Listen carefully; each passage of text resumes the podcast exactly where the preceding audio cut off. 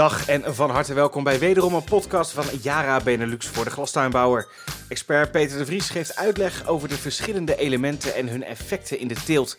Vandaag hebben we het over calcium. Of kan ik beter zeggen kalk, Peter? Ja, we hebben het inderdaad deze podcast over calcium, want dat is het uh, element. En afgekort is dat Ca. Dat is dan dus een uh, tweewaardig cation en die is 2 plus. Dus dat is een keer wat anders dan een andere. En je noemde al kalk en dat hoor je vaak als er eigenlijk calcium bedoeld wordt. Maar kalk is een zout. En dat het element calcium bevat en dan het anion, dus het negatief geladen deeltje in kalk, is dan een carbonaat. En dat verhoogt dan de pH in de grond en in de potgrond. Ja, en als, zoals we iedere keer dan zagen, vermelden, we, vermelden wij als meststoffenproducenten de hoeveelheid calcium in onze producten als uh, procenten calciumoxide, CaO is het dan. En je weet wel, uh, dat, uh, ja, dat is nu eenmaal door de meststoffenwet eenmaal voorgeschreven en zo moeten we het dan doen. En als we dan kijken wat dat betekent in de praktijk, dan zien we dus dat een vaste meststof, kalksalpeter, of eigenlijk beter gezegd calciumnitraat, dat is chemisch gezien correcter, of nog beter, hè, jaren terra calcinit, dan hebben we het over ons eigen product tenminste. Dat bevat, ja, dus volgens de meststoffenwet 26,5% calciumoxide. Maar ja, bedenk dan eigenlijk ook gelijk dat uh, al die calcium als calcium-ion aanwezig is.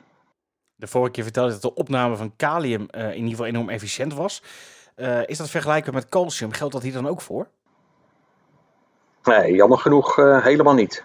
En calcium is echt compleet het tegenovergestelde van kalium. Die opname van calcium die is passief. En dat betekent dat de plant dus niet structuren heeft zoals we wel bij kali tegenkwamen.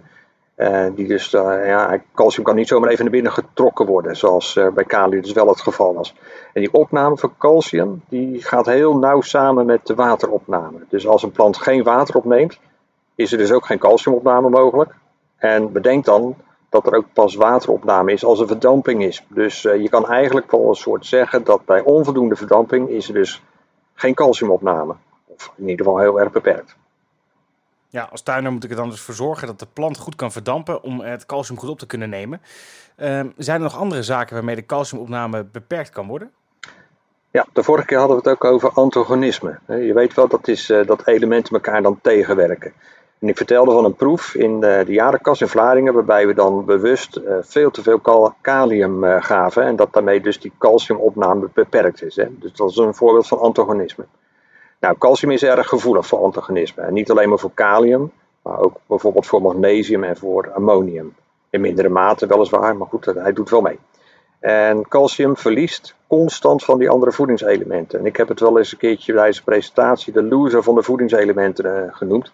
En ik denk dat dat wel aardig opgaat. Want gaan we na, calcium heeft geen actieve opname, is sterk afhankelijk van de waterverdamping. Dus het is allemaal heel passief. Vervolgens gaat calcium ook nog eens worden tegengewerkt door kalium en in mindere mate dan door magnesium en ammonium. Ja, en dan zijn er nog wel meer beperkingen te noemen waarbij kalium, of sorry, calcium het verliest. Calcium, daar hebben we het vandaag over. Maar nog meer beperkingen, zoals? Nou, als je kijkt bijvoorbeeld naar de opbouw van de wortel, en je kijkt vooral naar de laatste paar millimeter, dan zie je dat daar de cellen delen en dat daar dus ook de wortel groeit.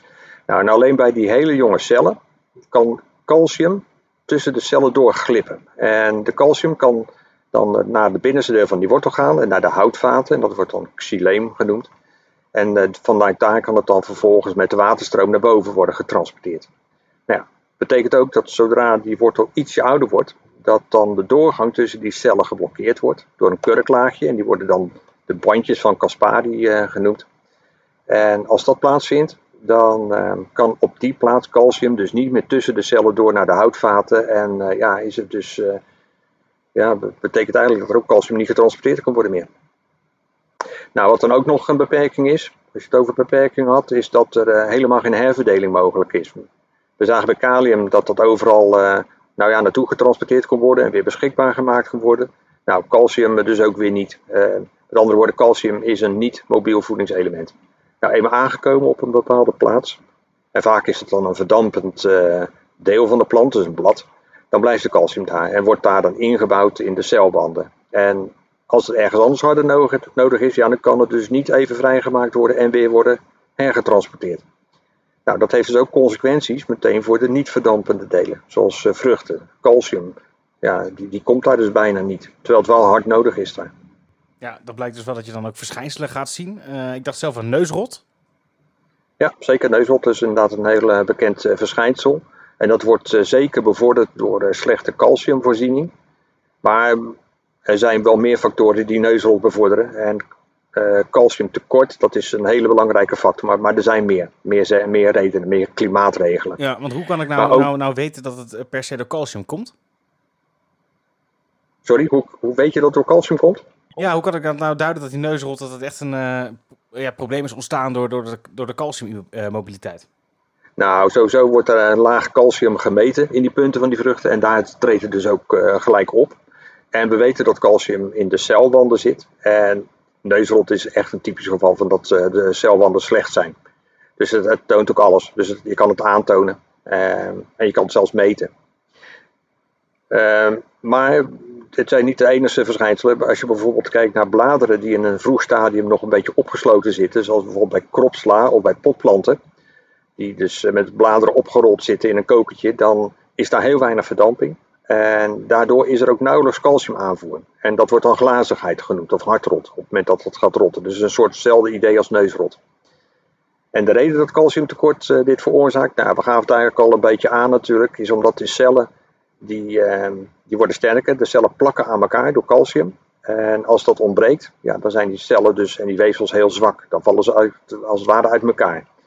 En zodra er dan wat kracht op uitgeoefend wordt, door bijvoorbeeld de waterdruk van de plant, dat wordt een turgor uh, genoemd, dan kunnen die cellen gewoon eigenlijk kapot knappen. De inhoud komt eruit en het gaat rotten.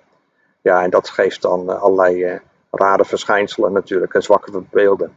Maar vervolgens geeft ook uh, zwakke structuren, uh, kans op scheuren, barsten, uh, houdbaarheid die minder wordt. Dus ja, allemaal kwaliteitsproblemen. Ja, slecht nieuws. Ehm, maar kan ik als tuinder nog iets doen met mijn voeding om calcium toch ja, dat duwtje in de rug te geven? Ja, wat de tuinder allereerst natuurlijk moet doen, en we hebben het iedere keer komt het bij terug, is dat we het in die, alle voedingelementen in de juiste verhoudingen moeten aanbieden. Dus die balans, dat, dat, daar blijven we terugkomen. Dat is gewoon heel erg belangrijk. Um, maar ook bijvoorbeeld calcium, alleen maar calcium extra geven is zinloos als je bijvoorbeeld kalium veel te hoog hebt. Of als er geen verdamping is, of als de wortels heel slecht groeien. We zien het ook als een gewas erg generatief staat. En dan weet elke tuinder dat de groei bovengronds op dat moment heel beperkt is. Maar we weten ook op hetzelfde moment dat er weinig wortelgroei plaatsvindt. En dat is nou juist de plaats waar die calcium naar binnen moet. Dus ja, heel generatief, geen groei, geen wortelgroei, geen calciumopname kan je bijna dan wel stellen. Dus als we het over balans hebben, dan moet ook die plant in balans zijn. Dus die moet zowel generatief zijn, vruchten maken, maar tegelijkertijd toch ook een beetje vegetatief zijn om inderdaad voldoende groei te houden en wortelpunten te laten groeien. Nou, en tenslotte, ehm, ja, wat je ook kan doen is zorgen dat de calcium beschikbaar blijft en niet uh, neerslaat als een zout. Dus calcium reageert heel makkelijk met fosfaat als de pH een beetje hoger is, als die boven de 6,2 is. Ehm, ja, en dan als het neergeslagen is, is het weer niet beschikbaar voor de plant. Dus pH-controle ook weer belangrijk. Ja, terugkerend verhaal wel. Um, zijn er dan ook speciale producten die je kan inzetten om de calciumopname dan toch nog uh, ja, te bevorderen? Ja, nou ja, het grappige is eigenlijk wel, ik had het net over fosfaatneerslag. Maar als je nou een speciale fosfaatmeststof gebruikt, uh, hebben wij dan als een product daarvoor. Die heeft juist weer een positief effect op die calciumopname. Uh, die Super FK die heeft uh, gewoon bewezen in proefjes dat de wortelgroei beter is. En het geeft niet alleen maar meer wortels, maar ook een fijner wortelstelsel met veel fijne wortelharen. En ja, dat zijn de poorten waar dus toch die calcium eh, door naar binnen kan glippen, zoals we zagen. Um, ja, we hebben daarmee in diverse proeven ook gewasanalyses gedaan. En we hebben daarin ook aan kunnen tonen dat calcium wel degelijk hoger is op het moment dat je dus uh, ja, Super FK gebruikt en dus ook een betere wortelontwikkeling hebt. En dan het uh, aardige is, een bijkomend voordeel van die Super FK, is dat die uh, calciumfosfaat, die net als een neerslag was, die dan slecht bereik, beschikbaar is voor de plant, die kan die superfra ook weer een oplossing brengen. En dus dan komt die calcium en fosfaat weer uh, binnen bereikbaarheid van de plant. Ja, je zou het een beetje als een win-win situatie kunnen zien dit. Ja, als ik het dan goed probeer samen te vatten, dan is de opname van calcium dus eigenlijk sterk afhankelijk van de verdamping en de aanwezigheid van jonge wortelpunten. Calcium is dus niet mobiel in de plant. De herverdeling is daarmee dus niet mogelijk. Dus je hebt eigenlijk een constante verse aanvoer nodig. Um, wat we ook hebben gezien is dat dus niet verdampende delen, zoals de vruchten, die krijgen gewoon nauwelijks calcium. En calcium kan ook nog eens worden tegengewerkt door onbalans in de voeding, vooral door dus hoog kalium, de loser van de elementen. Vergeet ik dan nog wat? Nou, je hebt al een hele mooie samenvatting gemaakt. En ik zou nog een paar kleine aanvullingjes kunnen geven. Uh, bijvoorbeeld dat calcium natuurlijk belangrijk is voor de cellen, sterke cellen en, en weefsels. En dat een tekort aan calcium uh, kwaliteitsproblemen geeft. Uh, wat ik ook nog wil aanvullen is dat de planten qua groei natuurlijk ook in balans moeten zijn. Hè? Dus niet alleen voedingselementen. En in balans betekent dat dan ook de wortels blijven groeien. Nou ja, en natuurlijk Cyprifca die zorgt voor een actief jong wortelstelsel dat goed calcium kan uh, opnemen dan. En tenslotte, ja, Super die zorgt ook nog eens een keer dat die eventueel neergeslagen calciumfosfaat weer in oplossing gaat. En, en het houdt je druppelsysteem dan netjes schoon. Dus ja, dat is nog een korte aanvulling. Dus vrij veel voordelen met uh, Super FK om mee te besluiten. Ja, zeker voor de calcium. Tot zover alles over calcium. Wilt u nou meer weten over het belang van andere elementen zoals kalium of misschien ook stikstof? Beluister ook eens een vorige podcast. Die zijn allemaal te vinden op de website van Yara, www.yara.nl.